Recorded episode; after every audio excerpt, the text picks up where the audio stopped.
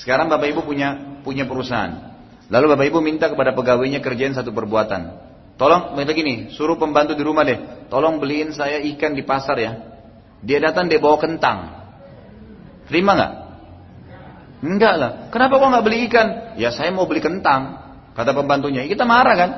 Loh, Allah ini tanpa permohonan Allah. Allah bilang, kamu kerjain begini ya? Enggak ya Allah, saya mau begini. Loh, kok aneh ini? ya Allah nggak mau terima. Betul lah gitu ya, kurang lebih contohnya. Mudah-mudahan bisa difahami gitu. Jadi pekal dalam ibadah menerima dari wahyu Allah Taala. Baik. Ada seorang pegulat dari Jazirah Arab yang bernama Rukana. Rukana ini ahli gulat. Tidak pernah dikalahkan dalam gulat. Badannya besar, kekar, gitu kan. Kita bisa bayangkan kalau pegulat seperti apa gitu. Orang ini disebutkan orangnya sangat kekar, sangat kuat. Dan disegani memang. Setiap dia gulat pasti orang kalah. Dia pernah datang ke Mekah. Jadi secara sengaja gitu datang ke Mekah. Kemudian dia mengatur strategi sama orang-orang Quraisy. Bagaimana mempermalukan Nabi Shallallahu Alaihi Wasallam. Dia mau menggunakan powernya. Nabi SAW lagi tawaf, Rukana teriak, Wahai Muhammad, gitu kan? Nabi SAW balik, semua orang balik. Kata Rukana, kalau kau bisa kalahkan saya bergulat, saya akan beriman sama kamu. Dia tahu dia kan punya power di situ. Fisiknya kuat, nggak pernah kalah, gitu kan?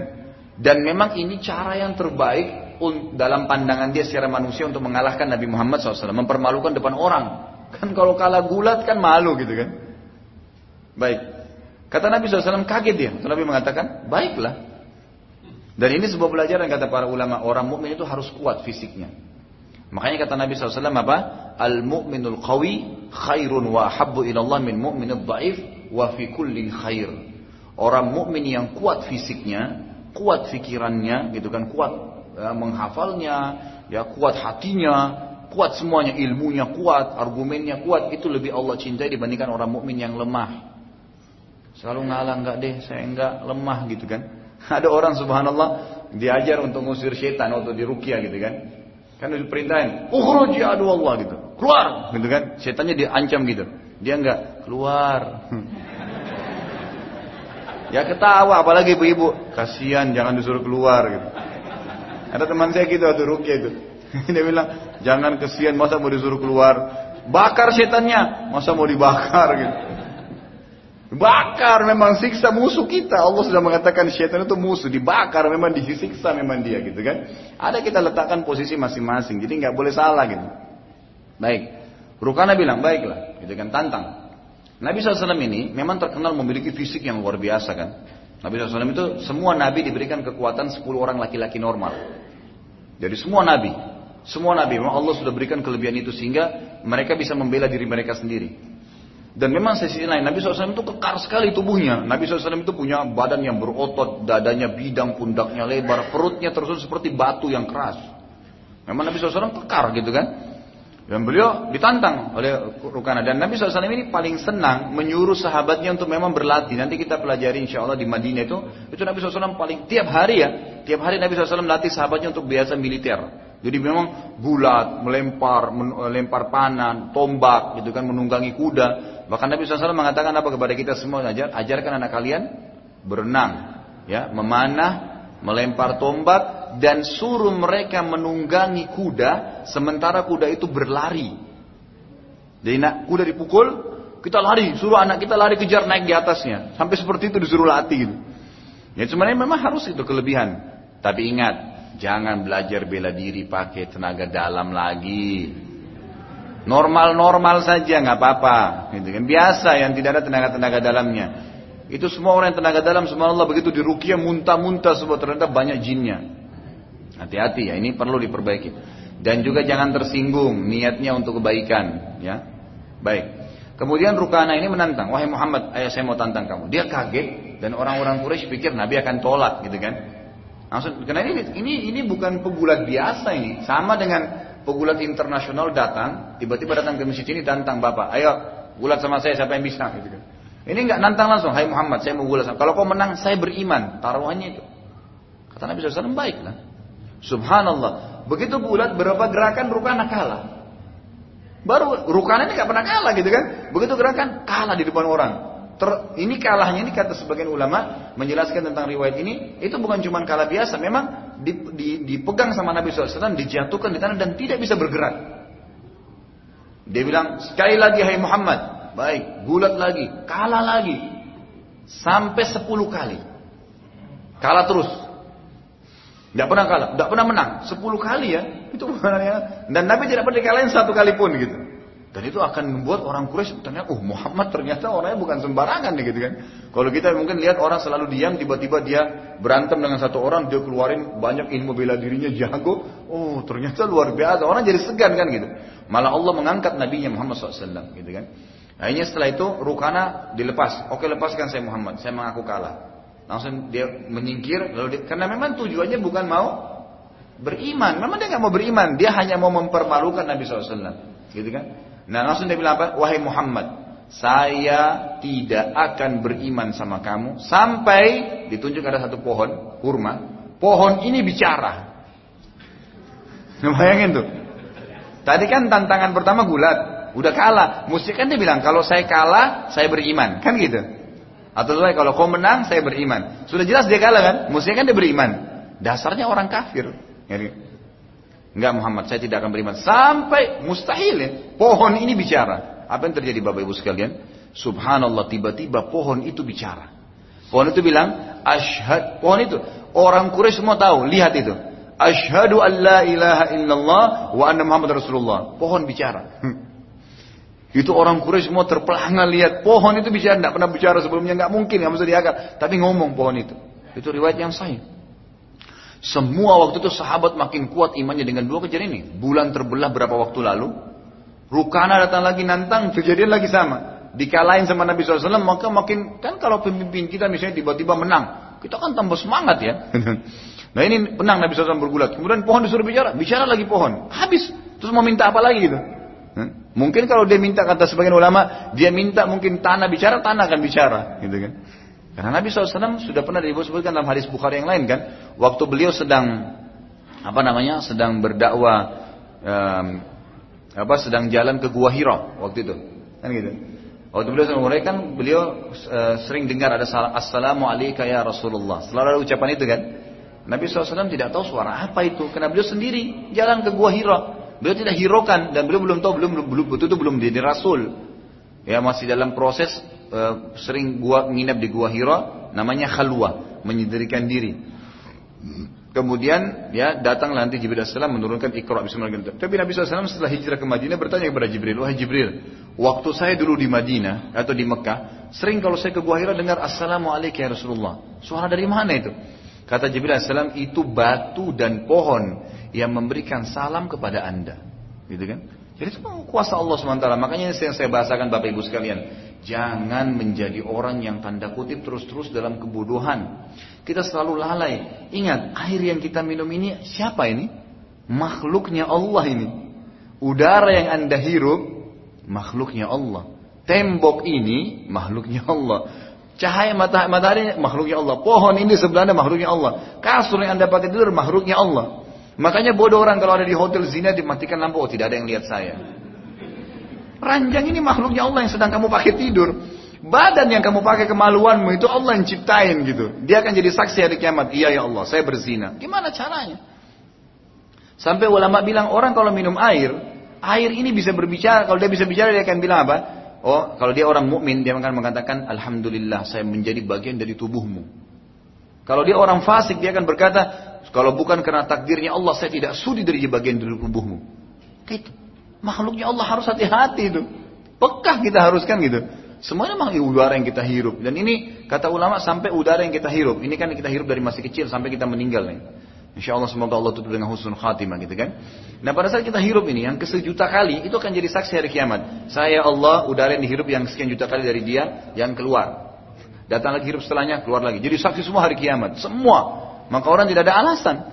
Mata kita akan bicara, iya ya Allah, dia lihat ini, ini, ini, semua. Sampai dalam hadis dikatakan, tidak ada orang yang sulit ya eh, hisapnya hari kiamat kecuali orang yang suka membangkang.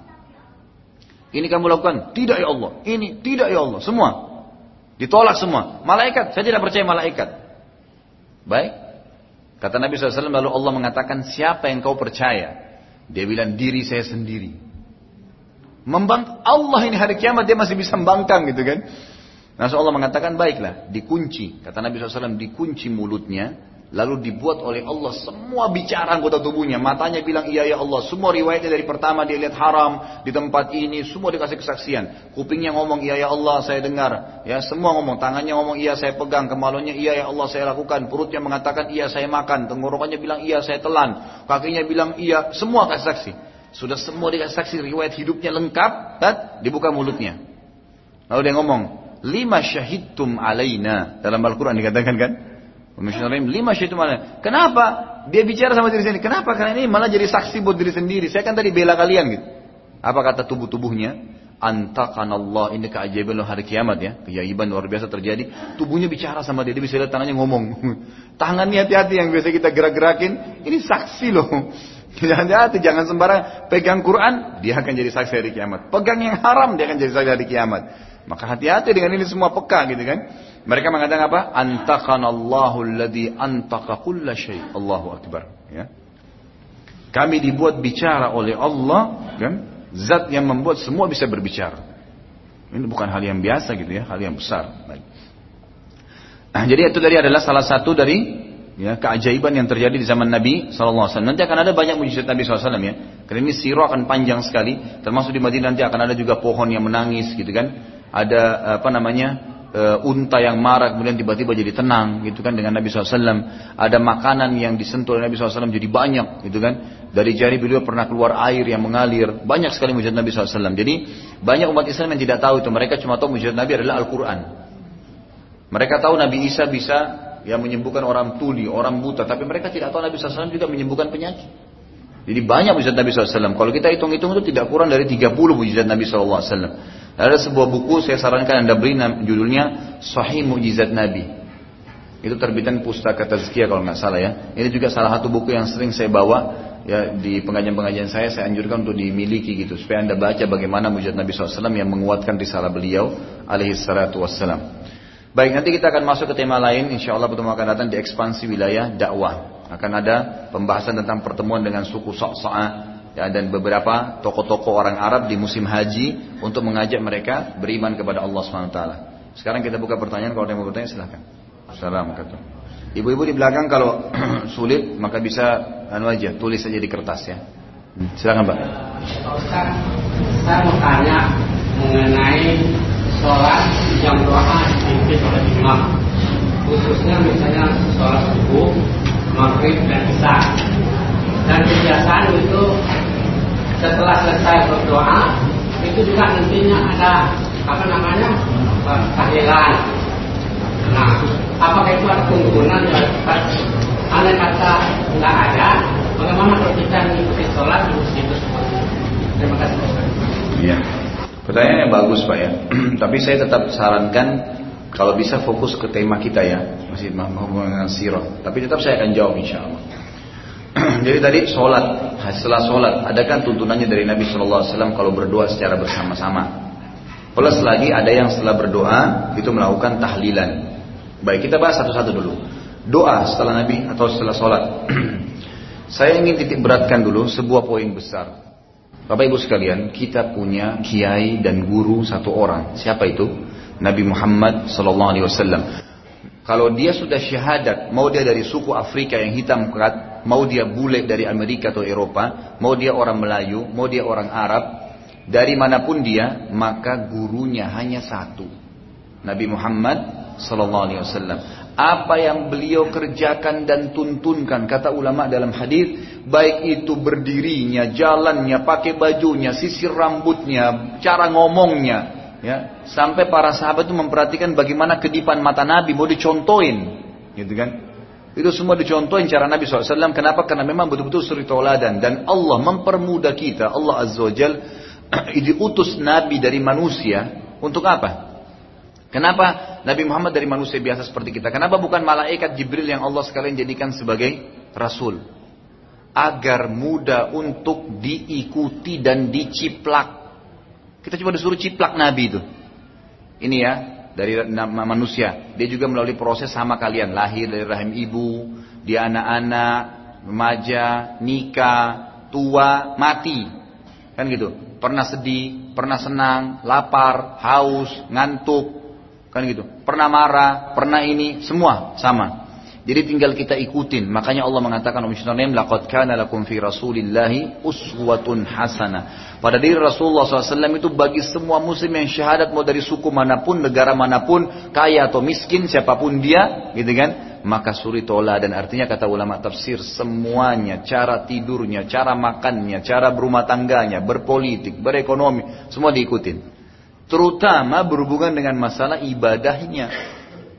Gitu kan semua gerakan sholatnya Nabi SAW jadi pesan Sallu kamar itu muni usolli. Sholatlah sebagaimana kalian lihat saya sholat Sahabat dilihat cara Nabi sholat Lalu disampaikan Puas haji Wudu andi manasikakum. Ambillah manasik haji dari saya. Contohin saya lempar jamrah bagaimana? Oh pakai batu kecil. Ya sudah batu kecil. Jangan ada yang pakai kerikil pakai kayu gitu kan. Nganggap pada setan. Tidak ada itu simbolik Contohnya. Jadi ikutin semua. Baik kita ini ini ini kronologis pembukaannya Kenapa kok situ saya bahas sementara yang ditanya adalah doa setelah sholat? Karena banyak orang tidak tahu doa adalah ibadah. Kan gitu. Memang adalah ibadah. Siapa yang bilang bukan doa ibadah? Nabi SAW mengatakan doa ibadah. Kalau kita berdoa kapan saja boleh nggak? Kalau secara umum boleh. Kapan punya keperluan? Tiba-tiba ada musuh depan ya Allah selamatkan. Tiba-tiba hujan besar ya Allah atau banjir ya Allah selamatkan. Tiba-tiba sakit ya Allah sembuhkan. Kapan saja boleh, nggak masalah. Kan gitu. Tapi doa atau ibadah yang dibagi dua oleh para ulama. Ada ibadah yang tidak ditentukan waktu dan tempatnya. Bebas. Kapan saja gitu kan. Contohnya atau juga jumlah termasuk ya. Jadi tidak ditentukan waktu, tempat, dan jumlahnya. Maka anda bebas, silakan lakukan. Misal contoh tadi saya kasih contoh tadi zikir Subhanallah wa bihamdi Subhanallahil azim. Dua kalimat yang ringan di lidah, dicintai Allah dan berat di timbangan hari kiamat. Maka ulama bilang di sini tidak ada penentuan jumlahnya, nggak ada penentuan tempatnya, dan waktu untuk dikerjakan. Bebas. Jadi boleh pagi, boleh siang, boleh sore, boleh lagi duduk, boleh lagi lagi baring gitu kan, tidak ada masalah. Mau zikir 10, 20, 30, tidak ada masalah. Karena tidak ada penentuan jumlah, tempat, dan waktu. Baik, ada ibadah yang kadang-kadang ditentukan waktunya. Ada juga yang ditentukan tempatnya, ada yang ditentukan jumlahnya, ada yang tergabung semua tiga-tiga. Seperti contoh tempat haji. Bolehkah haji selain Mekah? Nggak boleh. Harus pengen paketnya. Mina, Arafah, Muzdalifah, Mina lagi. Kan gitu. Ada tuntunannya penentuan tem tempat. Kan gitu. Kemudian ada penentuan waktu. Sholat misalnya. Kalau ada orang sholat sebelum jam sekarang ini sholat duhur diterima nggak? Loh sholat duhur kan baik. Kenapa nggak diterima? Karena tidak ada penentuan kan gitu. Apa sudah ada penentuan waktunya. Nabi tentukan waktu duhur itu pada saat tombak ditancapkan gitu kan dan bayangannya ada sedikit jadi siang bolong gitu kan itu ada waktunya. Subuh ditentukan waktunya, maghrib tentukan waktunya. Semua kan itu ada penentuan waktu. Kalau dikerjakan di luar waktu itu maka tidak diterima. Tempat, waktu. Begitu juga dengan jumlah. Nabi SAW sholat asar empat rakaat. Kalau kita sholat tiga diterima. Kalau lima, kan lebih banyak. Nggak boleh. Ada penentuan gitu kan. Keluar dari jalur tidak diterima. Baik. Sekarang kalau habis sholat. Kita tanya, Nabi SAW buat apa sih habis sholat? Ada tuntunannya. Disebutkan dalam banyak riwayat yang sahih, Nabi SAW istighfar tiga kali dan hanya membaca astagfirullah, astagfirullah, astagfirullah. Tidak ada astagfirullah azimnya, tidak ada astagfirullah li wali walidayya wali muslimina wa wa wa wa panjang. Loh, kalau anda bilang baik, iya, tapi nabimu nggak ajarin, gitu loh. Nabi hanya ucapin astagfirullah titik. Kalau di luar sholat, Anda mau baca astagfirullahaladzim, alladzi la ilaha illallah atubu ilaih, boleh. Enggak masalah. Karena ada hadis Nabi berbunyi, siapa yang membaca astagfirullahaladzim, alladzi la ilaha illallah qayyum wa atubu ilaih akan diampuni dosanya walaupun sebanyak buih di lautan. Karena ada sifat hayyul qayyumnya, gitu kan? Itu oke okay, baik. Tapi tanya lagi, apakah ini diterapkan setelah sholat? Kita kembali, Nabi tuntunkan bagaimana. Ternyata ada penentuan khusus oleh Nabi paket habis sholat Nabi cuma baca astagfirullah saja. Sajanya jangan dibilang ya astagfirullah saja. Gitu. Astagfirullah astagfirullah, astagfirullah, selesai. Kemudian baca lagi Allahumma antas salam wa minkas salam. Perhatikan lafaz hadisnya ya. Tabarakta wa ta'alait ya dzal jalali wal ikram. Di Indonesia ditambah Allahumma antas salam wa minkas salam wa ilaika yaudus salam. Fahaina rabbana bis salam. Ini dari mana ini? Maknanya bagus iya. Tapi bolehkah kita menimpa lafaz yang telah Nabi sebutin? Jawabannya ulama hadis bilang tidak boleh. Karena Nabi kita, kiai kita sudah ajarin gitu. Dan Nabi itu bukan dikarang dari beliau, dari mana? Allah. Supaya Allah mau terima harus ikutin kiai kita dan Nabi kita Muhammad SAW. Harus seperti lafaz itu. Makanya Nabi SAW mengatakan dalam hadis yang sahih riwayat ahli sunan. Gitu kan bunyinya. Semoga Allah selalu merahmati seorang hamba yang selalu menukil seperti apa yang saya ajarkan. Nggak ditambah, nggak dikurangin. Seperti itu. Dengan kita menjaga lafaz itu, maka wahyu terjaga kemurniannya. Coba kalau semua orang bebas tambah-tambahin. Apa yang tersisa? Gitu kan? Gak ada. Wahyu turun untuk dihafal, diamalkan. Jangan merasa lebih pintar dari Rasulullah Sallallahu Alaihi Wasallam. Sering saya bilang begitu ya. Saya sering mengatakan pada teman-teman tetap ngotot, saudaraku. Kalau anda ngotot, kita katakan Nabi gak pernah ajarin, gak apa-apa kan bagus. Sama saja anda sedang mengatakan maaf Rasulullah saya lebih pintar. Loh, Rasulullah bilang begini, akhi, nggak bisa. Saya lebih suka ini. Bagus kok. Loh, Nabi nggak contohin, tetap ngotot. Gimana caranya nih? Orang-orang seperti ini yang menjadi bahaya, jadi bibit yang berbahaya di tengah-tengah umat gitu kan. Karena menyebarkan hal-hal yang membentang Nabi. Nabi bilang, ucapkan atau kerjakan asar empat rakaat. Enggak, lima, kita buat lima. Kan yang penting waktu asar. Loh, Nabi contohin empat kok gimana? Sama lafaz zikir, sama ayat Quran. Jangan dianggap remeh ya. Gitu kan? Beda kalau doa, kita doa nih. Menyampaikan kita lagi sakit. Allah seorang sakit apa gitu kan. Dia berdoa ya Allah sembuhin penyakit saya ini disebut. Itu beda. Karena memang lafaz doa ada yang Nabi tuntun resmi, ada yang Nabi bebasin sahabat untuk berdoa. Beda. Kalau ini enggak, gitu kan? Kemudian juga Nabi SAW mengatakan Allahumma la mani alima a'tait wa la mu'ti lima manat wala yanfa'u zal jaddu minkal jadd. Jadi perhatikan ya, di Indonesia ada juga tambahnya tuh. Allahumma la mani lima atait wala muta lima wala raddan lima qadait. Kata-kata wala raddan lima qadait tidak ada hadisnya. Tapi yang ada adalah langsung wala yanfa'u zal jaddu minkal jadd. Allah alamin yang saya ketahui gitu kan. Kemudian ada juga halabat Nabi mengatakan Allahumma inni ala dzikrika wa syukrika wa husni ibadatik. Allahumma ajirna minan nar dibaca dibaca sampai tujuh kali. Ini kan perintahnya. Kemudian ada lagi Tuntunan Nabi SAW habis sholat apalagi ya? Cukupkah itu? Oh ternyata Nabi SAW sebutin juga. Siapa yang tidak meninggalkan ayat kursi setelah sholat lima waktu. Maka tidak ada yang menghalangi antara dia dan surga kecuali kematian. Berarti disuruh baca ayat kursi. Baik, ada tuntunannya. Kemudian Nabi SAW memerintahkan juga kepada sahabat-sahabat untuk membaca Al-Ikhlas, Al-Falaq, An-Nas. Kalau di waktu subuh dan waktu maghrib, boleh membaca tiga-tiga kali. Kalau di waktu sholat rubaiyah empat rakaat duhur, asar dan isya beliau baca hanya sekali-sekali. Kalau mau baca, saya mau baca 10 kali ikhlas. Baca tapi jangan dipaket zikir habis sholat. Karena habis sholat ada paket ajaran Nabi SAW. Jangan ditambah. Nabi sudah tentuin soalnya. Kan? Penentuan jumlah waktu Kan gitu, tidak boleh diubah-ubah. Sudah jelas penentuannya gitu kan. Sama setelah itu membaca subhanallah berapa? 33. Baca 34 habis sholat, mohon maaf, melanggar sunnah Nabi. Oh kalau saya lalai, makanya jangan lalai, peka. Syaitan memang buat kita lalai. Baca subhanallah, subhanallah. Hitung, pakai akal sehat kita. Kita dalam Islam disuruh melatih otak kita biasa menghafal. Subhanallah. Jangan Ah subhanallah saya lupa ya. Syaitan buat lupa benar. Enggak. Subhanallah. subhanallah. 33. Hitung 33. Walaupun insya Allah umur anda 90 anda bisa hitung insya Allah. 33 tepat. Nabi perintah dia 33 tegas. Gitu kan. Sudah selesai. Alhamdulillah 33. Allahu Akbar yang punya dua lafad. Memang ada hadisnya. Nabi SAW pernah baca 33, pernah baca 34. Itu dua-dua hadis yang sahih. Ini baca Kemudian kata Nabi SAW, siapa yang membaca habis sholat, subhanallah 33, alhamdulillah 3, Allah Akbar 33, dan Allah dikatakan 34, lalu dia genapkan dengan membaca la ilaha illallah wahdahu la syarikalah, laul mulku wa laul hamdu, wa huwa ala kulli syai'in qadir. Tidak ada yuhyi wa yumitnya. Itu kemudian akan diampuni dosanya walaupun sebanyak bui di lautan.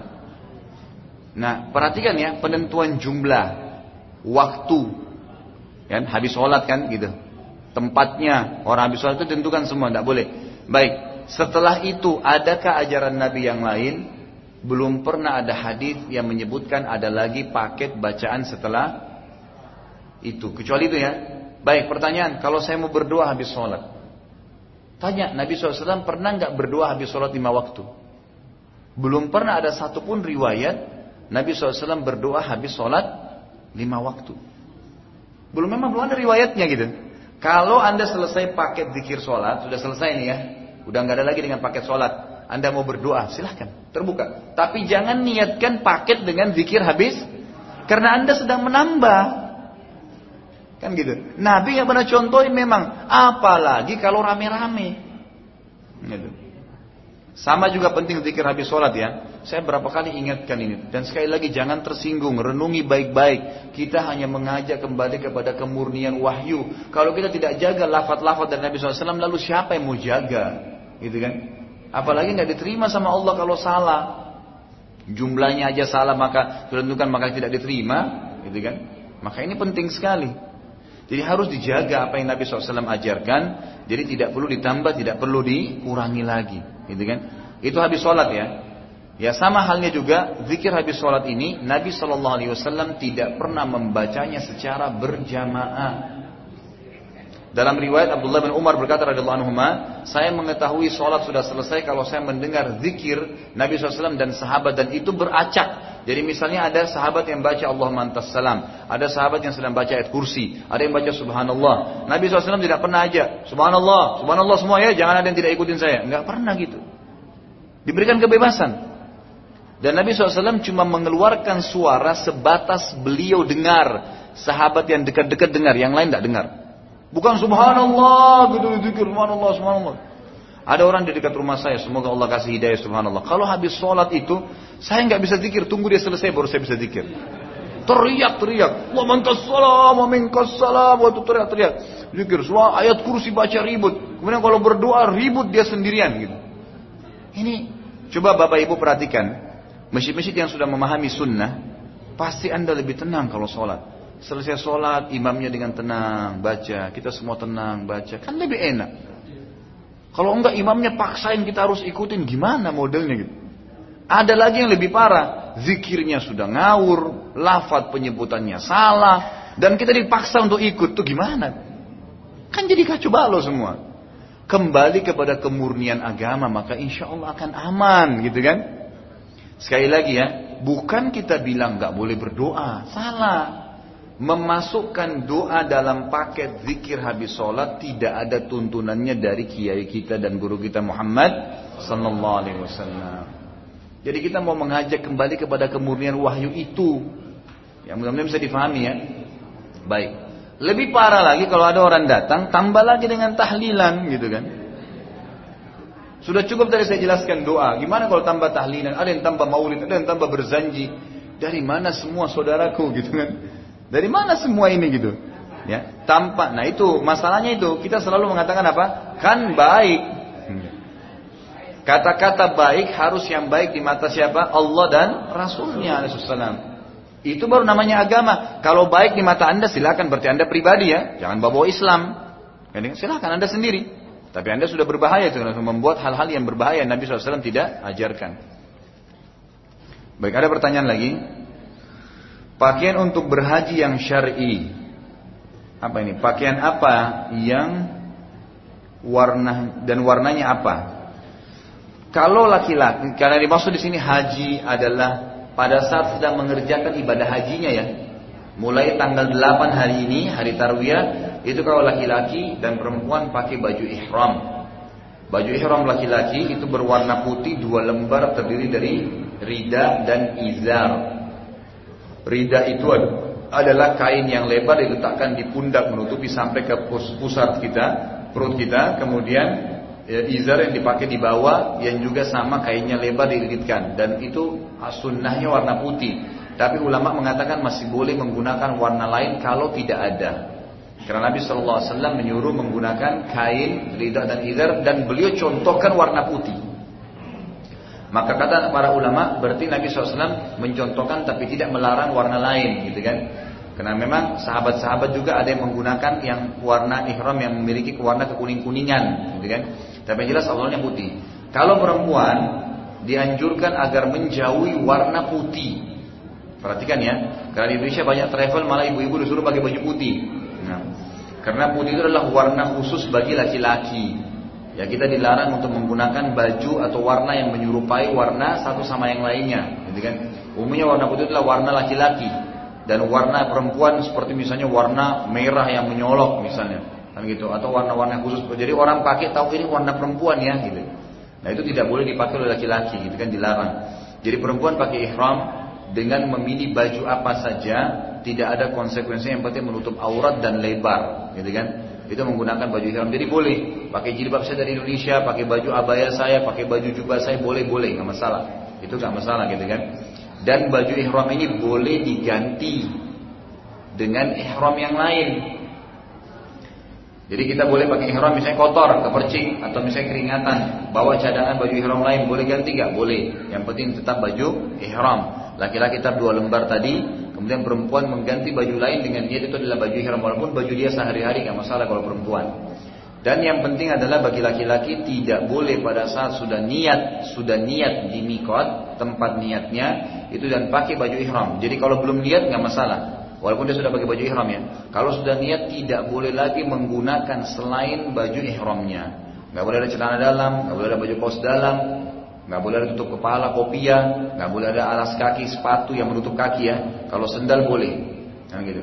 Sebagaimana sabda Nabi SAW orang yang ihram tidak boleh menutup kepalanya, tidak boleh pakai surban, tidak boleh pakai sepatu, gitu kan. Tapi dia pakai sendal dan tidak boleh menggunakan pakaian yang terjahit. Kan gitu. Jadi tidak boleh menggunakan pakaian yang berjahit. Jadi memang pakaiannya itu kalau baju ihram bagi laki-laki ya ini saya bicara laki ibu-ibu nggak masalah. Bagi laki-laki maka ibu-ibu tidak tidak apa-apa pakai pakaian dalam. Jangan lagi bilang oh tadi Ustaz bilang ini untuk laki-laki. Gitu. Ibu-ibu semua pakai pakaian dalam, pakainya seperti biasa. Laki-laki saja, gitu kan? Sekali lagi, laki-laki saja. Ya. Kalau di Bekasi Barat ini ada bahasa khusus, saya pakai bahasa itu gitu. Supaya nggak salah paham. Karena biasa gitu ya, di pengajian itu seakan-akan sudah ngangguk paham, ternyata dibawa pemahaman yang salah gitu. Pernah ada satu murid saya gitu kan, saya tidak katakan bapak ibu murid saya tidak, tapi ini memang orang yang rutin ikut di pengajian saya gitu. Kemudian dia lagi kumpul-kumpul sama teman-teman murid yang lain. Saya buka kelas di kantor waktu itu. Jadi tiap hari mereka hadir. Saya ngajarin mereka hadis gitu. Jadi tiap hari seperti orang kuliah. Terus lagi saya lagi tidak ada, lagi lagi kumpul-kumpul, terus ada orang yang sendawa, ngeluarin angin, gitu kan? Terus orang ini bilang, ya, murid saya ini bilang alhamdulillah. Tiba-tiba ada satu yang bilang yarhamkallah. Loh, yang lain semua ini memang ini yang bilang yarhamkallah belum lama ikut, gitu kan? Terus yang lain bilang, loh dari mana? Kok ente ngomong gitu, gitu kan? Ustadz Khalid yang bilang.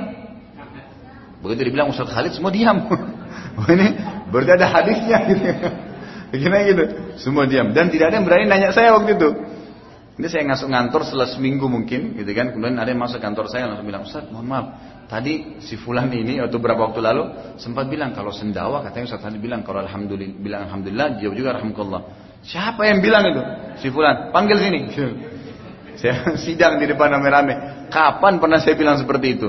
Ah, kayaknya. Loh jangan kayaknya. Nggak boleh. Itu salah itu. Nanti saya akan-akan saya ajarin salah tidak. Mengatakan yarhamkallah dalam hadis hanya kalau bersin. Masa setiap orang alhamdulillah semua kita bilang yarhamkallah gitu kan? Begitu ada orang dapat duit, alhamdulillah yarhamkallah. Nggak bisa. Hanya bersin titik, nggak boleh ditambah, nggak boleh dikurangin. Ya, itu penting untuk diketahui. Jadi saya tekankan yang tidak memakai pakaian dalam hanya laki-laki, ibu-ibu.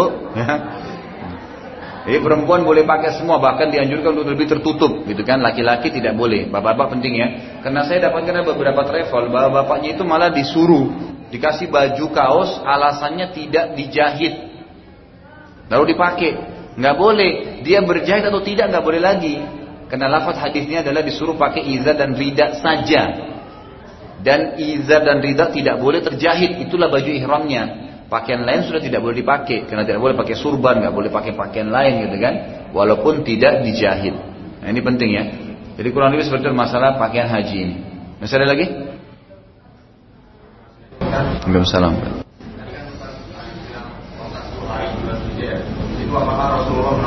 Sembilan hari. Hmm. bagaimana hukumnya orang yang nggak punya harta tapi nggak mau berkorban karena berdalih Ya. Jadi dari mana dalilnya? Tadi Ustadz mengatakan puasa 9 hari, bukan 10 hari ya. Karena hari ke-10-nya itu hari Idul Adha, malah haram puasa. Ada lima hari sepanjang tahun kita haram puasa ya, nggak boleh. Dua hari raya, Idul Adha, Idul Fitri, dan tiga hari hari Tashrik. Hari yang setelah Idul Adha. Jadi nanti Selasa ini kan 15 Oktober, tanggal 10 Zulhijjah ya. Rabu, Kamis, Jumat nggak boleh puasa. Termasuk teman-teman kita yang biasa puasa Ayyamul Bid itu khusus Zulhijjah pula puasanya mulai tanggal 14, 15, 16. Bukan 13 lagi karena 13-nya termasuk hari Tashrik. Ada hadis yang melarang itu. Baik. Dari mana dalilnya puasa 9 hari itu? Apakah Nabi SAW pernah lakukan? Jadi lafat-lafat yang sampai kepada kita dari Nabi SAW itu tidak selamanya menyebutkan Nabi kerjain, Nabi kerjain. Tapi kadang-kadang Nabi SAW menyebutkan fadilahnya. Gitu kan? Nabi SAW kadang-kadang mencontohkan. Nabi SAW kadang-kadang mengingatkan sahabat. Gitu kan? Tentang perilaku yang salah. Maka itu jadi hukum semua.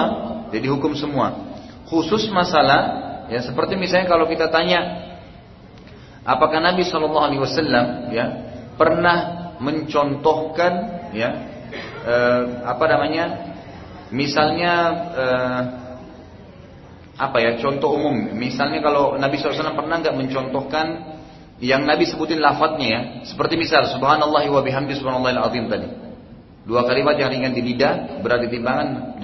Apakah Nabi pernah lakukan? Kalau ditanya begitu, kita nggak bisa jawab. Karena memang tidak ada lafaz yang mengatakan Nabi mengucapkan Subhanallah tapi Nabi sebutkan fadilahnya sama saja. Karena bisa saja penyebutan perintah untuk mengerjakan atau teguran ke sahabat yang salah, seperti orang yang sholat salah lalu Nabi SAW suruh ulangi, itu kan? Atau memang Nabi SAW contohkan langsung. Nah, seperti misalnya masalah gerakan sholat, manasik haji memang Nabi suruh sahabat contohin. Lihat Nabi contohin gitu kan? Jihad Nabi contohin bagaimana memerangi musuh. Ada prakteknya. Nah puasa 9 hari ini memang saya sudah katakan dari awal ada khilaf di antara ulama tentang apakah ada sunnahnya puasa 9 hari atau tidak ada saya termasuk berpegang pada pendapat ulama yang mengatakan ada karena dalilnya jelas dalam dua hadis Bukhari tadi kalau teman-teman yang mengatakan tidak ada puasa sembilan hari itu termasuk perbuatan yang tidak pernah Nabi contohkan. Jadi kalau ditanya apakah Nabi pernah kerjakan, memang tidak. Tidak semua ibadah seperti itu kan. Ada tadi saya katakan fadilah. Ada yang Nabi cuma sebutin perintahnya. Nah contoh tadi dikatakan hadis Bukhari tadi yang saya bilang, ma min ayyamin. Tidak ada hari-hari sepanjang tahun al amalus salihu fihi. Garis bawahi kata-kata al amalus salihu fihi yang amal soleh kalau dikerjakan di dalamnya. Berarti kan sini semua jenis amal soleh, tidak terkecuali. Nah, ulama yang mengatakan kalau semua ibadah amal soleh yang dikerjakan di sebuah itu mengarahkan jihad, maka berarti yang paling pantas dikerjakan adalah puasa. Kenapa? Karena ada hadis kudsi yang lain tadi Bukhari Allah berfirman, semua amal ibadahnya anak Adam sudah saya tentukan kadarnya 10 sampai 700 kecuali puasa. Karena itu milikku saya akan balas langsung. Maka ulama hadis bilang tidak ada ibadah yang mengalahkan ibadah puasa. Saya bilang tadi ulama berkata ini disunnahkan, bukan ditekankan, tidak disunnahkan. Yang mampu, yang tidak mampu minimal jangan kehilangan puasa tanggal 9 karena memang yang disebutkan punya fadilah khusus tanggal sembilannya itu besok mengampuni dosa setahun yang lalu dan setahun yang akan datang. Tunggu sebentar. Satu lagi tadi ya. Sebentar saya habis ini Bu ya. Tadi yang itu apa? Iya, masalah berkurban dulu. Bagaimana hukumnya kalau ada orang yang punya kemampuan tapi tidak mau berkurban karena berdalil itu adalah sunnah muakkadah. Perlu anda tahu ya, yang mengatakan hukumnya sunnah muakkadah dalam kurban bagi orang yang mampu itu pendapat yang sangat lemah. Karena ulama atau jumhur ulama mengatakan justru yang punya kemampuan itu wajib berkurban. Karena perintahnya pakai fi'lul amr. Fasalli li rabbika wanhar. Kata-kata wanhar dalam bahasa Arab itu Bapak Ibu sekalian namanya fi'lul madhi. Kata kerja yang sudah lampau. Ada fi'l mudhari, kata kerja yang sedang terjadi. Ada fi'lul amr, kata perintah. Semua yang berhubungan dengan kata perintah maka hukumnya wajib dalam agama kita, gitu kan? Fasalli salatlah di Rabbika untuk Tuhanmu nggak boleh salat selain kepada Allah. Wanhar dan berkurbanlah. Maka ulama mengatakan fi'lul amr kata perintah. Makanya jumhur mengatakan itu wajib. Juga dari sini beranjak ulama juga sebagian besar mengatakan sholat idul adha itu hukumnya wajib. Bukan lagi sunnah. Makanya kalau saya kalau saya ngajar ya pribadi, saya banyak lebih peka mengambil pendapat-pendapat yang seperti ini agar umat tidak tidak tidak menganggap remeh gitu loh, Bapak Ibu sekalian ya. Khusus sholat Idul Adha dan Idul Fitri itu dalam hadis Bukhari dikatakan Nabi Wasallam mengajak semuanya keluar, laki-laki, perempuan, anak-anak, orang tua disuruh semua keluar ke musola, ke lapangan, walaupun wanita yang sedang haid dan nifas. Bila mereka tidak bisa ikut sholat, mereka minimal mendengarkan khutbahnya. Maka ini ulama bilang berarti termasuk sholat-sholat wajib selain lima waktu sholat, selain subuh, duhur, asar, maghrib, isya ada sholat Jumat kan, dan ada sholat dua hari raya Idul Fitri. Ada juga sholat jenazah itu wajib, tapi sifatnya wajib kifayah atau fardu kifayah. Kalau sudah ada yang kerjain, yang lain gugur. Tapi tetap hukumnya wajib kalau tidak ada yang kerjain, gitu kan? Kemudian sholat gerhana, Ya kan gitu. Dia sifatnya fardu kifayah. Kalau ada gerhana terjadi nggak ada yang sholat, maka itu harus ada yang sholat. Dan Nabi SAW mengatakan kalau kalian lihat gerhana, sholatlah, bertasbihlah, bersodakalah. Ada kata-kata perintah, fil amr, sholatlah. Maka sifatnya ulama bilang fardu kifayah. Kalau sudah ada yang kerjain, maka yang lain gugur, gitu kan? Itu contoh-contohnya. Jadi perlu difahami ya bahwasanya berdosa orang Allah alam dalam pendapat yang paling kuat kalau punya kemampuan lalu tidak berkurban. Lagian dari sisi lain gitu kan. Kalau seandainya Anda mengatakan sunnah muakkadah, kenapa harus pelit dengan Allah gitu? Orang setahun sekali berkurban. Saya tidak habis pikir tuh kalau ada orang punya kemampuan tidak mau berkurban. Subhanallah gitu kan. Ini baru disuruh kurban, beli sapi atau beli kambing. Bagaimana kalau disuruh jihad orang begini? Disuruh dia yang tumpahin darahnya, bukan hewan kurban. Itu mustahil dia mau ikut gitu kan. Atau apalagi dalinya maka semestinya harus berkurban. Fadilahnya sangat besar, pahalanya sangat besar. Itu kan pahala kurban itu ulama mengatakan banyak. Niat membelinya sudah pahala. Mengeluarkan uang beli hewannya sedekah. Hewan yang dibeli pada saat disembeli sunnah. Apa namanya? Perintah. Gitu kan? Makan dagingnya ibadah. Gitu kan? Membagikannya sedekah. Banyak sekali perentetan pahalanya tuh. Itu kurban itu bukan cuma biasa, sama sholat, wudhunya pahala, melangkah ke masjidnya pahala, tutup auratnya pahala, hadap kiblat pahala, kan semua perintah. Sholat gerakannya takbir pahala, ruku pahala, itidal pahala, sampai salam, bacaannya juga pahala, semua pahala. Maka semua sisinya ada sisi pahala, makanya sangat sayang ya kalau ada teman-teman kita yang mampu dan tidak mau berkurban gitu kan. Jadi sentuhlah hati anda untuk bisa berkurban di jalan Allah Subhanahu Wa Taala. Ya, silakan. Waalaikumsalam kata.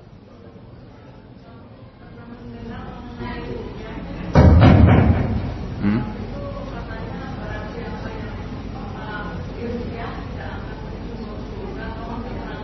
Baik. Ini saya tadi yang kepencet ya. Jadi jangan kena tanya Rukia kemudian dilihat menggema gitu. Saya langsung cut gitu jalannya setan tuh. Nah biasa begitu. Orang itu kalau lagi, apalagi kalau kalau kena sihir atau apa itu, apa saja jadi peka itu. Mungkin suara angin, wah, gelap, wah jadi takut gitu. Jadi jadi tidak ada hubungannya. Kebetulan tadi saya kepencet mati, micnya, gitu kan. Jadi tidak ada hubungannya dengan yang lain. Baik. Ada hadis tadi yang pertanyaan bagus masalah rukyah. Ada hadis Nabi SAW yang berbunyi, gitu kan? Siapa yang eh, ada 70 ribu dari umat yang masuk surga tanpa hisab, gitu kan? Yang pertama, mereka yang tidak bertatayur menggantungkan nasibnya pada benda masih ingat ya? Yang di Indonesia biasa tradisi kalau tangan kanan gatal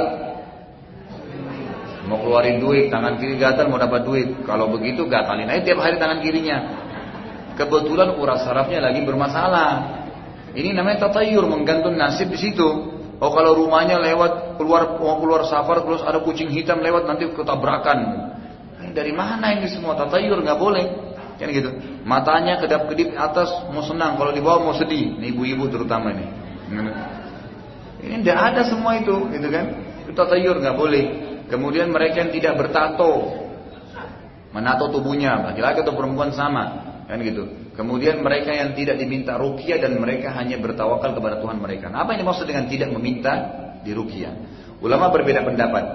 Pendapat yang paling kuat Allah alam yang dimaksud adalah rukyah yang tidak syar'i.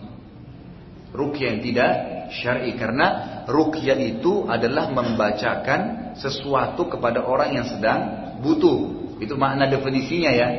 Kalau kita katakan rukyah saja, berarti itu terjemahannya. Tapi kalau kita bilang rukyah syar'iyah, ada syar'inya, berarti menggunakan ayat-ayat Al-Quran. Berarti ada rukyah yang tidak syar'i. Kan gitu.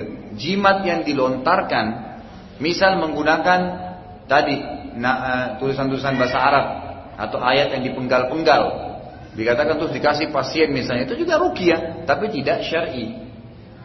Nah ini pendapat paling kuat. Jadi orang yang minta ya rukyah yang tidak minta di rukyah yang tidak syar'i gitu. Tapi kalau dia minta rukyah syar'i maka beda. Ada pendapat lain mengatakan tidak, ya dimaksud juga rukyah syar'iyah. Kalau orang itu minta rukyah tanpa sebab. Tanpa sebab, nggak ada apa-apa, was-was aja, coba rukyah saya. Nah, itu yang dimaksudkan. Ini juga pendapat ulama gitu kan. Nah, jadi kalau misalnya ibu merasa ada indikasi nggak nyaman di rumah kok, kan itu ulama kasih gambaran. Kenapa kita harus rukyah? Pada saat diri kita gelisah atau malas ibadah, eh, kita malas ibadah pertama. Jadi mau sholat malas, mau sentuh Quran malas, semua serba malas ibadahnya. Indikasi rukyah. Yang kedua, termasuk ini ya pelanggaran-pelanggaran syari. Ibu-ibu yang malas pakai jilbab, gitu kan? Itu termasuk ya kemudian bawa bapak yang yang malas ibadah lah. Kemudian eh, ini otomatis kalau malas ibadah terbuka pintu maksiat. Misal malas sholat nonton TV kan nyambungnya ada. Jadi kalau ibadah tidak ada, ingat setan itu musuh kita. Kalau seandainya kita lagi pegang pedang, musuh kita lagi pegang pedang. Lalu bapak ibu nggak nangkis, nggak nyerang, dia apa yang sama musuhnya? Dibunuh. Dan setan itu tidak begini mainnya. Kalau dia main pedang sama kita, nggak gini disentuh dikit, ah sudah. Gitu nggak caranya dia bunuh kita? Enggak, ditusuk, diobrak-abrik sama dia. Sekali kita digoda tidak sholat, kan gitu. Itu macam-macam di anu sama dia, dikobrak-abrik, gitu kan? Macam-macam. Jadi dibuat kita nonton misalnya film, lupa lalai, kemudian nanti ngomong gosipin orang, nanti fitnah, macam-macam, gitu kan? Sekali orang ketemu lawan jenis, Bukan cuma lihat tidak, tidak haram, dengar yang haram, mulai mulutnya ngucapin yang haram, mulai hatinya merusak dan seterusnya. Jadi hati-hati kan gitu. Dia harus bisa difahami poin-poin seperti ini ya. Sehingga kita tidak membuka pintu-pintu setan. Dia akan terus merusak kita. Dia akan terus merusak. Jadi akhirnya jadi berbahaya dalam kehidupan kita ya. Baik, tadi diingatin poin apa yang saya sedang bahas ini? Ada yang ingat? Ya. Baik, jadi ada indikasi ya, indikasi kenapa kita mau dirukyah, gitu kan? Jadi yang pertama tadi malas ibadah atau maksiat. Kemudian yang kedua, kegelisahan yang tidak normal. Sering gelisah, di rumah gelisah, susah tidur malam, suka mimpi buruk, ngigau. Ini kalau ada orang yang tidur giginya suka bunyi-bunyi sendiri, gitu kan? Ada orang begitu kan, giginya dikritik gitu. Nah itu suka ngigau, ngomong sendiri, ada yang jalan, kan gitu. Nah ini termasuk semua mimpi buruk, sering sekali mimpi buruk. Termasuk anak-anak kecil kalau sering mimpi buruk, ya. Atau dia sering lihat penampakan, misalnya anak-anak dikatakan sekarang anak indigo, gitu kan. Alasannya punya teman, bisa melihat. Waktu saya dia wawancarai di Transip itu hari tanya Ustaz gimana, saya bilang itu nggak ada dalam Islam. Dari jin semua itu. Kok bisa Ustaz? Ya, coba coba perhatikan, coba diajak wawancarai anak-anak itu. Pasti bahasanya, oh iya saya dengar suara, oh iya saya lihat di sini, oh ada teman saya yang ngajak ngomong. Semua gitu pengakuannya. Jadi ada tiga orang itu anak indigo diajak bicara di wawancara waktu itu. Ternyata betul pengakuannya seperti apa yang saya bilang. Jadi memang itu jin-jin biasa menggoda begitu dengan cara nanti mau menyesatkan manusia. Jadi kan disesatkan manusia dengan cara manusia bertanya dengan dia. Tujuannya untuk itu. Saya pernah datang ke satu rumah, jadi kan kemudian e, di rumah itu ada pengajian keluarga, tapi ini dulu waktu awal saya waktu itu masih buka pengajian di rumah. Sekarang sih saya lebih banyak fokus di masjid ya. Di rumah itu kebetulan besar ada masjidnya, ada musola di dalam gitu. Pengajian di musola habis sholat asar, e, kemudian apa ada semua ikut kecuali satu anak perempuannya. Waktu itu dekat kolam renang musolahnya ada perempuan lewat gitu, tidak pakai jilbab. Saya biasanya fokus pengajian kok tiba-tiba saya melihat dan saya langsung tanya, saya alihkan pandangan, saya tanya yang punya rumah, Pak, itu siapa Pak? Oh itu anak saya, dia bilang. Kok nggak ikut Pak di pengajian? Oh kalau itu lain Ustaz. Loh kenapa kok lain? Apanya lain maksudnya ini? Oh dia kalau malam Jumat sering kedatangan ruh kakek saya. Oh ya ini pengakuan dia, ayahnya gitu. Loh gimana ceritanya Pak? Sebentar pengajian kita berhentiin dulu, saya mau tanya nih. Gimana ceritanya? Oh dia kalau malam Jumat menjelang maghrib ya. Jadi nggak pakai sholat maghrib nih. Menjelang maghrib dia pakai mukena. Masuk ke kamar, lampunya dimatiin, kemudian dia minta kopi yang memang kakek saya suka. Kakek saya itu tuh orang-orang saleh, gitu ya. Terus kemudian dia ajak ngomong kami satu-satu. Baik sebentar, bapak jangan lanjutin. Saya yang lanjutin. saya yang lanjutin kejadiannya. Kenapa Pak Ustadz? Iya saya ceritain. Kalau saya ucapin benar, bapak bilangin benar ya. Iya. Pasti Pak, nanti dia akan tanya. Ya dia akan sebut kamu namanya nama kamu ini, nama kamu ini. Kemudian pelan-pelan dia akan meramalkan Pak ya. Oh nanti urusan mana tangan kamu saya lihat begini begitu kirim salam saya sama si fulan. Nanti kamu baca salawat seribu kali ya. Nanti kamu begini. Yang Nabi nggak ajarin kan salawat memang benar tapi seribu kali ada ajaran nggak gini. Diajar sama dia. Benar Pak Ustad, iya. Pernah tangan saya diramal. Sampai pada tingkat itu jadi dia menyesatin manusia. Seakan-akan ruh kakeknya karena mereka tidak faham maka terjadilah ini. Karena dalam Islam tidak ada namanya ruh gen Tidak ada ceritanya itu kuburan buka, buka pocongnya keluar. Dari mana itu? Itu sinetron kita saja itu. Ada juga poin penting Bapak Ibu sekalian. Saya ingin tanya, jujur jawab ya. Siap jujur nggak? Di gambarannya Bapak Ibu setan besar atau kecil? Di gambarannya Bapak Ibu ini, sekarang ini, selama ini hidup, besar setan atau kecil? Selalu gambarannya besar, menakutkan kan? Salah. Syaitan itu kecil seperti bakteri atau semut yang bisa Bapak Ibu pites mati. Itu yang salah. Dia selalu menggambarkan dirinya kuat dan perkasa. Bapak Ibu sekarang kalau syaitan itu kuat dan perkasa, bisa ngalahin manusia, maka kita semua jadi budaknya. Bapak Ibu tidak akan bisa makan, tidak bisa tidur, tidak bisa apa-apa. Dia cuma bisa nyelip masuk bisik-bisik. Pengecut dia takut gitu kan. Dia out sudah lari, sudah hilang. Sedangkan disihir saja itu masih bisa dirukyah syariah, hilang itu. Kepanasan dia dengar ayat gitu kan. Jadi jangan bayangkan tubuh itu cuma seperti serangga kecil yang bapak ibu bisa pites-pites dimatiin. Hmm. Tidak usah takut, di di sini ada pohon, takut gelap ya. bilang minasyaitonir rajim, tiup, selesai. Insya Allah nggak apa-apa, gitu kan? Jadi itu termasuk indikasi ya. Nah, indikasi yang selanjutnya juga adalah bisa saja orang itu memang disihir, ya, memang dia disihir. Jadi memang ada orang yang jahat lalu menyihir dia. Nah, Biasanya ada orang di, e, yang kelima itu antara adalah kesurupan. Nah, kalau yang disihir ini ada macam-macam. Ada sihir yang sifatnya dikirim mantra-mantra atau jin. Ada juga yang sifatnya makanan, gitu kan? Atau pakaian yang diambil. Nah ini caranya adalah dirukyah syariah. Insya Allah pada saat dirukyah jinnya akan ngomong. Nanti ada buhulnya di sini, ada buhulnya di sini, diambil, dibacain kulau kulau binas, ditiupin, kemudian di bakar.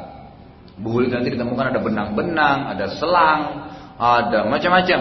Kain kafan lah, gitu kan, yang digunakan itu biasa ada buhul-buhulnya. Kemudian orang kesurupan, kesurupan ini biasanya sebabnya ada kadang-kadang jin-jin yang iseng gitu. Lewat dia memang masuk ke manusia, tapi ini orang-orang yang lemah ibadahnya ya. Biasanya ini biasanya kalau dirukyah sekali sudah jinnya pergi. Biasanya kalau dia rajin ibadah nanti jinnya nggak betah keluar.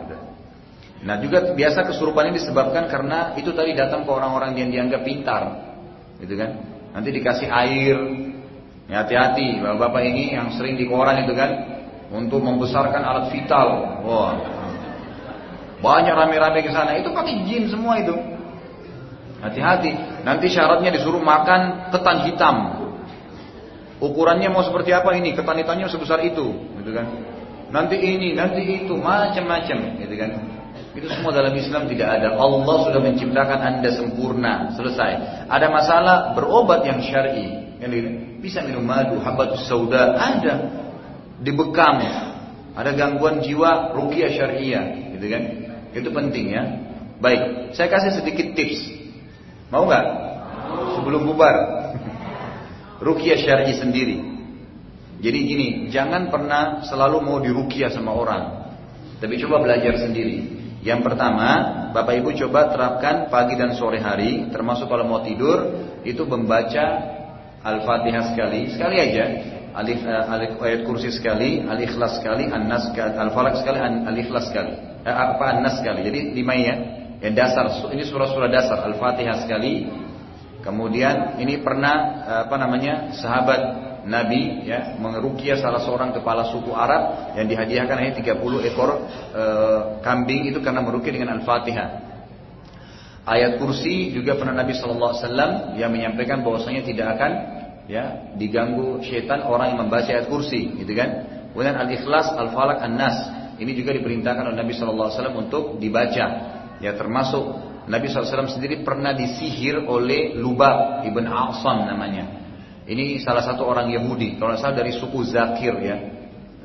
Itu pemuda apa orang-orang Yahudi yang tidak senang dengan Nabi SAW dan kebetulan Nabi dulu punya seorang pembantu dari orang Yahudi. Lalu orang-orang Yahudi ini datang meminta rambut Nabi SAW. Ya waktu diambil kemudian disihir.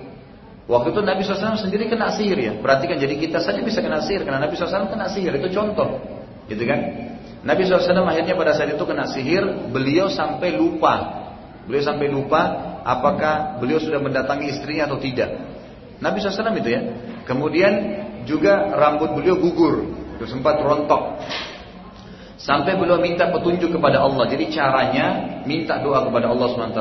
Minta doa. Gitu kan? Kalau kita merasa nggak nyaman gitu berdoa kepada Ya Allah ada apa sebenarnya minta petunjuk. Maka Nabi SAW mimpi melihat dua malaikat datang kepada beliau lalu yang satu duduk di kepala, satu duduk di kaki lalu berkata, yang malaikat ini bicara berdua. Ada apa dengan orang ini? Yang satu bilang dia sedang disihir. Dari mana sihirnya? Dari rambutnya dan bekas potongan sisirnya. Di mana ditaruh? Di sumu, di sumur suku tadi itu Zakir itu kalau salah ya, apa suku Yahudi itu di Madinah. Maka Nabi SAW pun terbangun kemudian membawa Ali dan Zubair radhiyallahu anhu ada juga sahabat-sahabat Nabi yang lain lalu ke sana lalu membongkar sumur tersebut dan menemukan rambut beliau dililit di batang e, kurma yang sudah tua. Kata Nabi SAW kepada Aisyah wahai Aisyah sungguh rambutku sudah aku temukan dan potongan sisir itu di batang e, kurma yang ditaruh di dalam sumur yang sudah tidak dipakai. Lalu Nabi SAW menyuruh Ali radhiyallahu memusnahkannya lalu menutup sumur tersebut. Baik. Jadi sihir bisa terjadi ya. Nah, yang Anda lakukan pertama adalah Anda membaca lima surah ini dan pada saat itu tadi waktu Nabi SAW disihir oleh Nabi itu di situlah turun surah Al-Ikhlas dan Al-Falak. Ingat ya, jangan pernah anggap remeh Al-Ikhlas, Al-Falak, An-Nas. Ini surah yang luar biasa. Luar biasa. Penganggap remehan terhadap surah ini waktu dibaca tidak akan membuat mempan kepada sihirnya atau kepada jinnya. Makanya harus dibaca dengan betul-betul merenungi. Maka dibaca, kemudian satu-satu kali ditiup ke telapak tangan Bapak Ibu sekalian. Ditiup ke telapak tangan, kemudian diusap di tubuh. Diusap di tubuh ya. Tapi ini bukan usap, maaf, digosokkan di tubuh. Minta kepada Allah Swt agar usapan ini ya bisa membentengi diri kita dari sihir dan setan-setan jahat. Diusap semua dari kepala sampai ke kaki. Sudah ya? Sekali. Bapak Ibu ulangi lagi yang kedua kali. Baca lagi. Al-Fatihah, ayat kursi, al-ikhlas, al-falak, an-nas, sekali-sekali tiup. Niat membakar semua setan-setan dan sihir yang ada di tubuh. Tiup ke telapak tangan, kemudian diusap lagi dari kepala. Ini ini diniatkan ya untuk membakar memang. Jadi kalau ada dibakar semua di mata kita, di kuping kita, di leher, semua di leher, semua sampai ke kaki. Sudah ya? Dan itu kita harus yakin ya. Karena kata Nabi SAW, ya Allah tidak akan menerima doa dari hati yang lalai. Dalam hadis ini dikatakan, Ya berdoalah kepada Allah sementara kalian yakin Allah akan terima karena Allah tidak menerima doa doa dari hati yang lalai, gitu kan? Itu kemudian dibaca, ditiupin, kemudian diusap. Gitu kan? Sudah dibakar semua, gitu kan? Nah, ada retorika yang ketiga, ini kalau dipraktekin biasanya ada reaksi. Nah, ada reaksi itu jangan, jangan kaget dengan reaksi itu karena itu pembersihan tubuh. Dibaca lagi sekali, kemudian ditiupkan ke telapak tangan dengan bacaan yang sama, Tangan kanan kita ditaruh di perut, tangan kiri ditaruh di dada. Kemudian diusap-usap. Ya, diusap-usap seperti kita lagi ngusap minyak gosok, kan gitu. Sambil baca. Tadi kan sudah dibaca telapak tangan sambil pegang ya. Kemudian dibaca lagi, baca lagi Al-Fatihah, ayat kursi, Al-Ikhlas, Al-Falaq, An-Nas. Kemudian setelah dibaca, niat untuk mengeluarkan sisa-sisa tadi. Kalau ada yang terbakar, niat dikeluarkan semuanya. Pegang perut kita, diusap-usap, dada kita diusap-usap, sambil selesai, kemudian tiupkan. Ditiup ke tubuh kita. Kemudian coba Bapak Ibu sekalian praktekin, ini sudah dipraktekin beberapa kali, subhanallah sangat manjur gitu kan. E, telapak tangan tadi yang di perut itu niat memegang semua sisa buhul-buhul dan jin yang sudah mati. Jadi jangan lagi Bapak Ibu tanya, nanti kalau saya keluarin Ustaz, hidup masih hidup dia keluar. Enggak, memang sudah dimatiin gitu. Jadi dia dikeluarin, ditarik sampai ke tenggorokan, gitu ya. Itu biasanya umumnya reaksinya muntah. Langsung mules, muntah. Atau sendawa, gitu. Atau beringus tiba-tiba, atau batuk. Nah, semua itu mengeluarkan proses. Ada yang tiba-tiba mau kencing, ada yang mau buang air besar. Nah, itu pengaruhnya. Itu kalau kita praktek sekali, praktek coba sekali aja, praktek sekali. Kalau belum berefek, coba ulangi. Kedua kali, ketiga kali, insya Allah nanti akan. Kalau ada akan ada, akan keluar. Nah, itu tips yang pertama ya. Jadi terapi rukia sendiri badan kita. Lakukan pagi dan sore hari. Biasanya yang pernah belajar tenaga dalam, orang yang pernah terima macam-macam, pernah minum dari orang. Ya. Apalagi hati-hati ya, memakan konsumsi makanan yang kita tidak tahu asalnya, apalagi haram. Seperti Indonesia ini ada istilah eh, supaya sembuh dari penyakit asma, gitu kan? Itu makan hati kelelawar. Kelelawar ini haram. Dari mana itu? Kata Nabi SAW perhatikan Allah tidak akan menjadikan kesembuhan kalian dari hal-hal yang ia haramkan. Nggak mungkin. Jadi kalau obat ada bahan haramnya tinggalkan. Baik. Yang kedua, Anda merukia air minum. Air minum. Bagaimana caranya? Kalau ada air zam-zam lebih baik. Kalau tidak ada air zam-zam, karena zam-zam itu tidak dirukia pun airnya sudah sudah manjur. Sudah boleh diminta akan dikeluarkan sihirnya. Kalau ada zam-zam, kalau tidak ada air minum biasa, air galon Anda atau Anda yang minum air biasa, itu airnya dibacain tadi ayat-ayat rukia itu ya. Al-Fatihah, Al-Kursi, Al-Ikhlas, Al-Nas. Kalau Anda boleh hafal lagi surah-surah lain bagus gitu kan. Tentang ayat-ayat Musa alaihissalam waktu membatalkan sihirnya penyihir Fir'aun gitu kan. Ditiupkan Niatkan agar air ini bisa menghilangkan semua ya sihir-sihir dan buhul yang ada di tubuh dan setan-setan yang jahat. Kan gitu. Maka itu itu lebih afdal. Kalau tidak tidak ada nggak apa-apa. Tapi lebih baik dan lebih reaksinya besar kalau pakai daun bidara. Tahu daun bidara nggak? Di Indonesia orang bilang itu pohon apel India. Jadi kalau bapak ibu lagi ke tukang-tukang kebun yang jual-jual pohon tanya saya pesan pohon apel India Buahnya itu seperti apel malang, warna hijau manis. Daunnya besar-besar. Subhanallah, daun ini dipakai untuk mandiin jenazah dan untuk rukyah. Itu setan paling tidak suka dengan daun itu. Nah itu diambil sunnahnya tujuh lembar, tujuh helai. Dan saya punya di rumah, subhanallah itu pohonnya, kalau kita petik daunnya, tumbuh lagi. Nggak pernah habis daunnya, subhanallah. Memang Allah sudah jadikan untuk obat gitu kan. Diambil tujuh helai, kemudian diulek. Dalam sunnahnya itu kalau bisa dipakai batu lebih baik ya. Kalau kita mungkin ibu pakai cobek ya. Nah, sekarang itu dari batu karena di dalam sunnah dikatakan dihancurin dengan dua buah batu zaman dulu begitu zaman Nabi SAW. Jadi dibuat sampai halus sekali. Kalau yang saya pernah buat itu memang dihalusin dikasih air dikit dihalus sampai kayak cabai yang mau di apa hidangkan gitu kan. Kalau perlu lebih halus lebih bagus. Gitu. Kalau misalnya dia mengatakan saya mau blender, ya sudah blender nggak masalah, gitu kan? Nah kalau perlu mulai sekarang bapak ibu buat jus daun bidara, gitu. Jadi itu bagus, gitu kan? Saya baru muncul ide kemarin, makanya saya mau buat di restoran saya tuh. Jadi bisa bisa orang coba gitu sekalian di rukia. Gitu. Jadi itu daun bidaranya nanti Bapak Ibu sekalian diulek atau di jus juga dihancurin juga boleh, kemudian dicemplungin di air minum kita. Kemudian diaduk ya, setelah diaduk Bapak Ibu rukia airnya. Tadi kan itu ini daun bidaranya usahakan dimasukin sebelum dirukia ya. Tadi kan saya bilang rukia dulu, dimasukin dulu, dicemplungin, setelah dihancurin baru di rukia, ditiupin. Bapak Ibu kerjaan sendiri aja.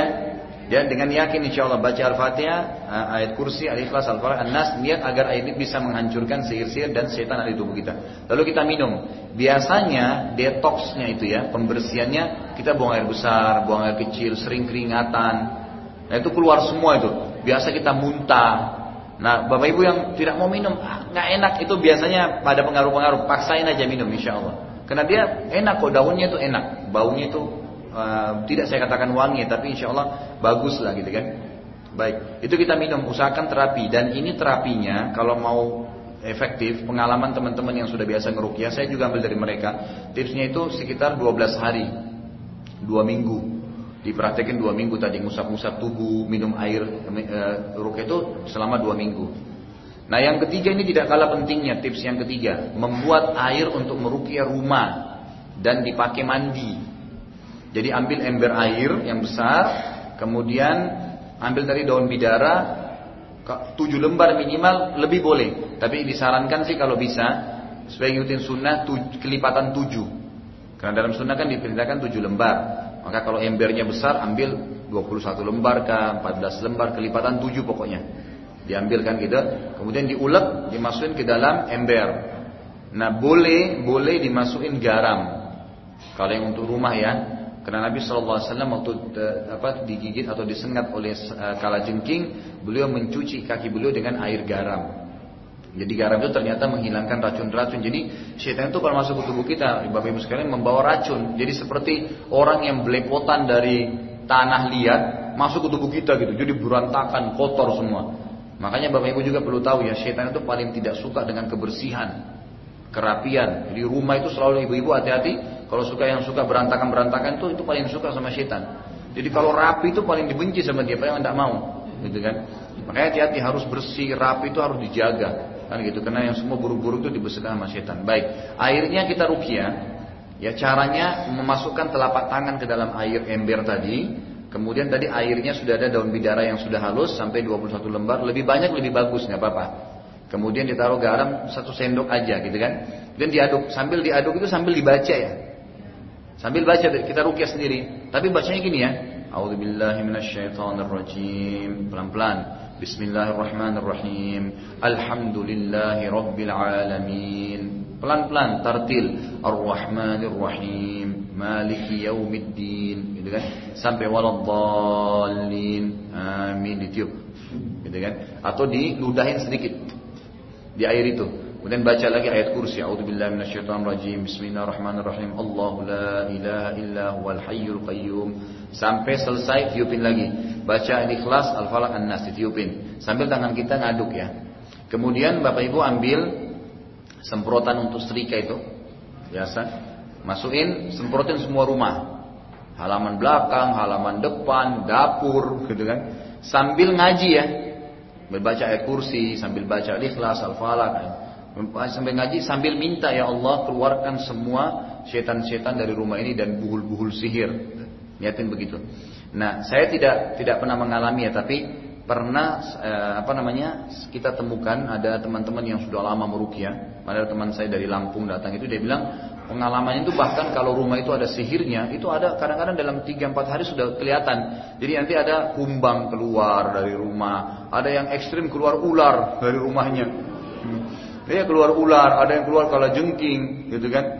Nah, jadi buhul-buhul sihir atau memang setan di rumah itu keluar. Memang tujuannya pembersihan. Jadi jangan takut, memang kita bersihin rumah itu. Nah, kalau ber, mungkin Bapak Ibu tidak paham dulu waktu baru pindah rumah, ada yang kasih apa, suruh tanam, ada yang kasih tanduk sapi lah, ada yang apa lah. Indonesia ini kadang-kadang ngaur-ngaur gitu, macam-macam. Kasih ini, kasih, dan kita main terima saja gitu. Nah, kadang-kadang tulisan-tulisan Arab itu bahaya tuh. Dan itu jangan sembarangan gitu kan. Jangan sembarangan. Jadi ayat Al-Quran pun kita tidak pernah dianjurkan untuk ditanam di tanah. Tidak pernah loh ya. Tidak pernah dimasukkan dalam air kemudian dicemplung diminum. Nggak pernah itu. Tidak pernah ayat Quran itu ditaruh, dirobek-robek, taruh di atas atap itu nggak pernah ada perintahnya. Apalagi selain Al-Quran, gitu kan? Udah jelas-jelas. Nah ini disemprotin semua di atap. Nah itu jangan jangan takut ya, biasa saja. Mungkin nanti kalau Allah memang perlihatkan sesuatu, alhamdulillah gitu kita istiadah kepada Allah swt. Kemudian sudah. Atau mungkin kadang-kadang kita temukan ada buhul-buhul, ada benang-benang, ya, ada rambut-rambut itu diambil. Ya, yang bisa dibakar dibakar, dimusnahkan. Jadi sambil kalau kita dapat misalnya jarum atau paku atau apa, kita baca bacain Al-Falaq dan An-Nas ditiupin. Jadi buhul itu kalau didapat harus dibacain ya. Jadi kita pegang sambil baca, sambil a'udzubillahi bismillahirrahmanirrahim, qul a'udzu falaq dan qul nas. Ditiup. Setelah itu baru dibakar. Ya gitu. Nah, itu kalau buhulnya ketemu ya, kalau memang kita disihir buhulnya ketemu itu kita sembuh. Kita sembuh gitu. Dan itu untuk diserang lagi susah. Bisa terjadi tapi kecil kemungkinan. Kenapa? Karena memang setannya pun pada saat dikirim itu dia sudah tahu pernah ada temannya yang mati di situ gitu. Dia pun takut gitu. Karena orang kalau ngerukia diri sendiri kita bakar itu, itu banyak yang mati gitu kan. Banyak yang mati kita tidak tahu berapa jumlahnya karena dalam tubuh manusia bisa jutaan jin, bisa ribuan kita tidak tahu. Tapi kalau dengan tadi itu terbakar, terbakar memang. Jadi teman-teman itu pada ketakutan untuk masuk gitu. Jangan masuk lagi. Ya, kalau penyihirnya pun paksakan maka biasanya kalau di rukia itu pengalaman teman-teman juga yang sudah sering rukia penyihirnya kena gitu. Jadi kalau kita rukia panas di sini, sana panas, ini terbakar, itu terbakar gitu, sakitan. Jadi biasanya begitu. Maka rumah itu di rukia, gitu kan. Dan yang penting ini, yang penting ya, rumah kita dijauhkan semua hal yang bisa mengundang dan jadi posko-posko setan. Penting ya, patung Segala jenis patung jangan pernah ada di rumah. Saya heran kalau rumah orang Islam di depannya ada patung itu yang pentung, apa? Ya, yang patung apa itu gambarannya dewa mana? Dulu keyakinan orang-orang Jawa kita gitu kan. Ini pentung di depan dua. Untuk apa nggak tahu katanya untuk jaga pencuri. Mana pencurinya bisa masuk juga. Itu pentung, patung-patung atau mungkin tidak seperti itulah. Mungkin patungnya cantik seperti misalnya ikan di kolam ikan gitu kan ngeluarin air dari mulutnya, semua tidak boleh patung, gitu kan? Karena rumah yang ada patungnya tidak dimasuki oleh malaikat. Termasuk penting Bapak Ibu sekalian, jangan tersinggung. Foto-foto jangan pernah dipajang di dinding. Kalau darurat pun ada, dilipat, taruh di album, taruh di laci. Jangan dipajang. Rata-rata orang yang dirukia itu, setannya ngaku di mana kau bertempat? Di foto rumahnya, di foto yang ditaruh. Apalagi kalau sampai foto anak gadisnya tidak pakai jilbab, ada foto keluarganya. Nah, setelah saya sampaikan ini dengan hubungan dengan rukyah syariah, baru banyak ibu-ibu mau turunin fotonya tuh. Awalnya kan, oh sudah mahal bingkainya, buat mahal, fotonya mahal. Berarti sama saja anda sedang membuat posko buat setan di situ. Dan itu akan mempermudah kalau sampai ada satu waktu orang jahat sama kita disihir, posko-posko yang dipakai sama dia. Nanti dipakai untuk dia tunggangi nyerang kita dalam rumah kita. Ya, jadi harus hati-hati ya. Kemudian jangan pelihara anjing. Sudah nggak perlu. Kenapa sih nggak pelihara anjing gitu? Sampai pernah ada ibu-ibu mungkin karena dia terlalu modern ya di daerah Kemang bilang sama saya, masa Ustaz pelihara anjing aja nggak boleh gitu kan? Loh ini agama yang sampaikan bu. Kalau emang ibu hobi dengan hewan, pelihara hewan yang dibolehkan. Kan bisa kucing misalnya, kucing kan boleh pelihara. Kalau enggak pelihara ayam, ikan kan bisa. Masih ada hewan lain. Kenapa harus yang dilarang gitu? Karena yang melanggar yang dilarang ini pasti Allah larang kan, terus kita langgar. Siapa yang datang? Setan. Kan tidak ada jalan lain Allah atau setan. Kan kalau bukan jalan Allah pasti jalannya setan, maka harus hati-hati. Kan gitu itu poin-poinnya. Jadi coba kita selamatkan rumah kita dari masalah itu ya. Kemudian Bapak Ibu sekalian tolong diobatin ini ya. Saya betul dari hati, ya, saya mengikhlas ikhlas mengingatkan Bapak Ibu sekalian. Tinggalkan musik Ibu Ibu sekalian. Betul loh ini, saya serius ngomong. Tinggalkan udah dandut ya pop ya rock itu tinggalin. Itu betul-betul mazamiru syaitan. Itu anak panahnya syaitan gitu loh. Abu Bakar mengatakan itu anak panah syaitan bisa merusak dan menguasai hati kita.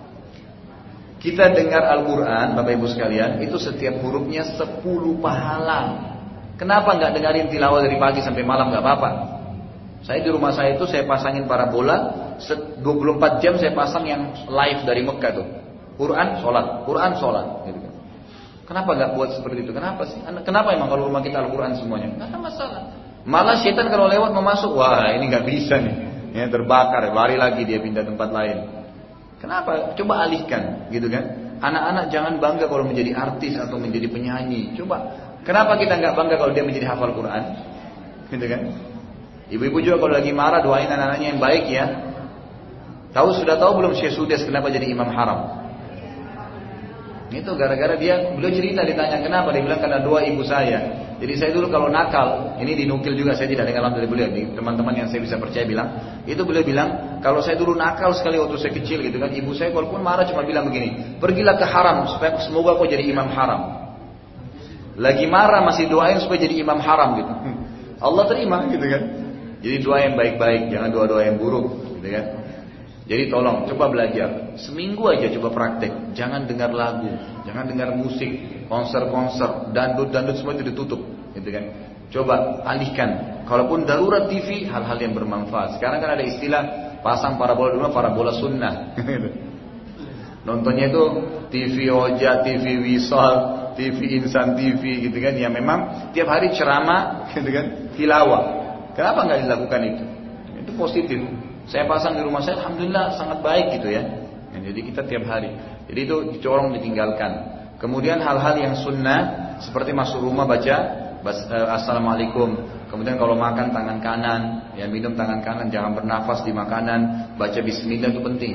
Kata Nabi SAW, kalau orang masuk rumahnya lalu dia mengatakan Assalamualaikum, salam buat keluarganya dirinya sendiri ya sebagai kata sambutan dari Allah. Dalam surah An-Nur Allah katakan maka syaitan yang ada di sekitar rumahnya berkata pada teman-temannya ya tidak ada tempat nginap untuk kalian malam ini.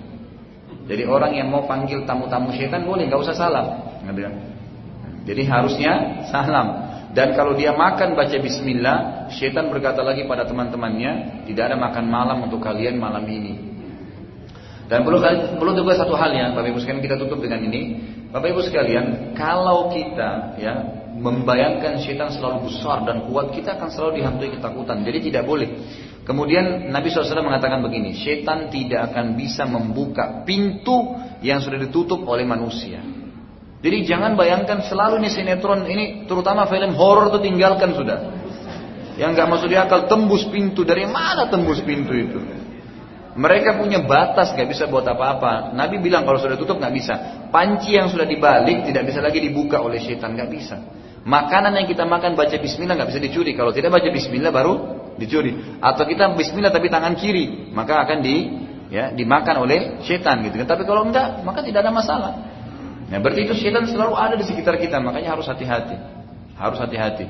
Ya mungkin kita melihat waktu sudah jam 11 Bapak Ibu sekalian, sudah banyak juga yang menguap-nguap gitu kan. Ya. Karena syaitannya sudah bisik-bisikin, sudah sudah lama, sudah dari tadi gitu. ya? Ya, makanan juga sama. Makanan sudah ditutup, makanya sunnah Nabi suruh tutup, nggak boleh dibuka. Kan gitu. Jadi banyak hal lah yang sunnah-sunnah ya. Mungkin itu panjang bahasanya, tapi yang jelas cobalah terapkan kehidupan sunnah, jauhi perbuatan yang melanggar sunnah, insya Allah kita akan aman. Mungkin begitu insya Allah nanti mudah-mudahan ya tidak ada halangan saya akan minta kepada salah satu teman nanti pertemuan akan datang ya. Kalau saya belum berangkat mungkin saya isi, kalau mungkin saya sudah berangkat berarti saya akan minta beliau akan menggantikan insya Allah supaya bapak ibu juga bisa praktek gitu kan. Kenapa?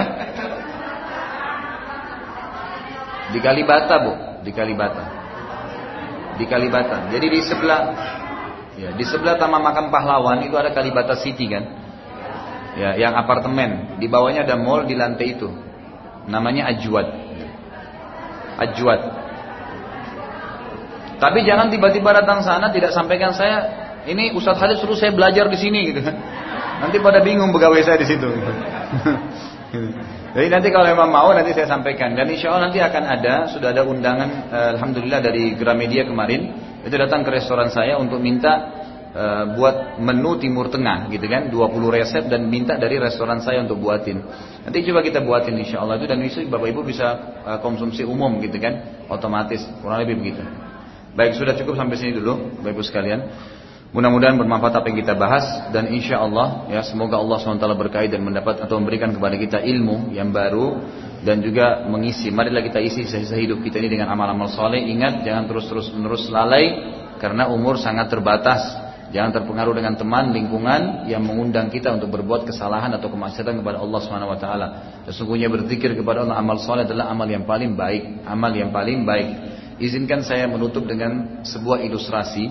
Bapak Ibu sekalian di sekitar kita banyak setan. Kalau saya kasih ilustrasi, anggap setan-setan itu adalah ular-ular kobra yang ganas, gitu kan?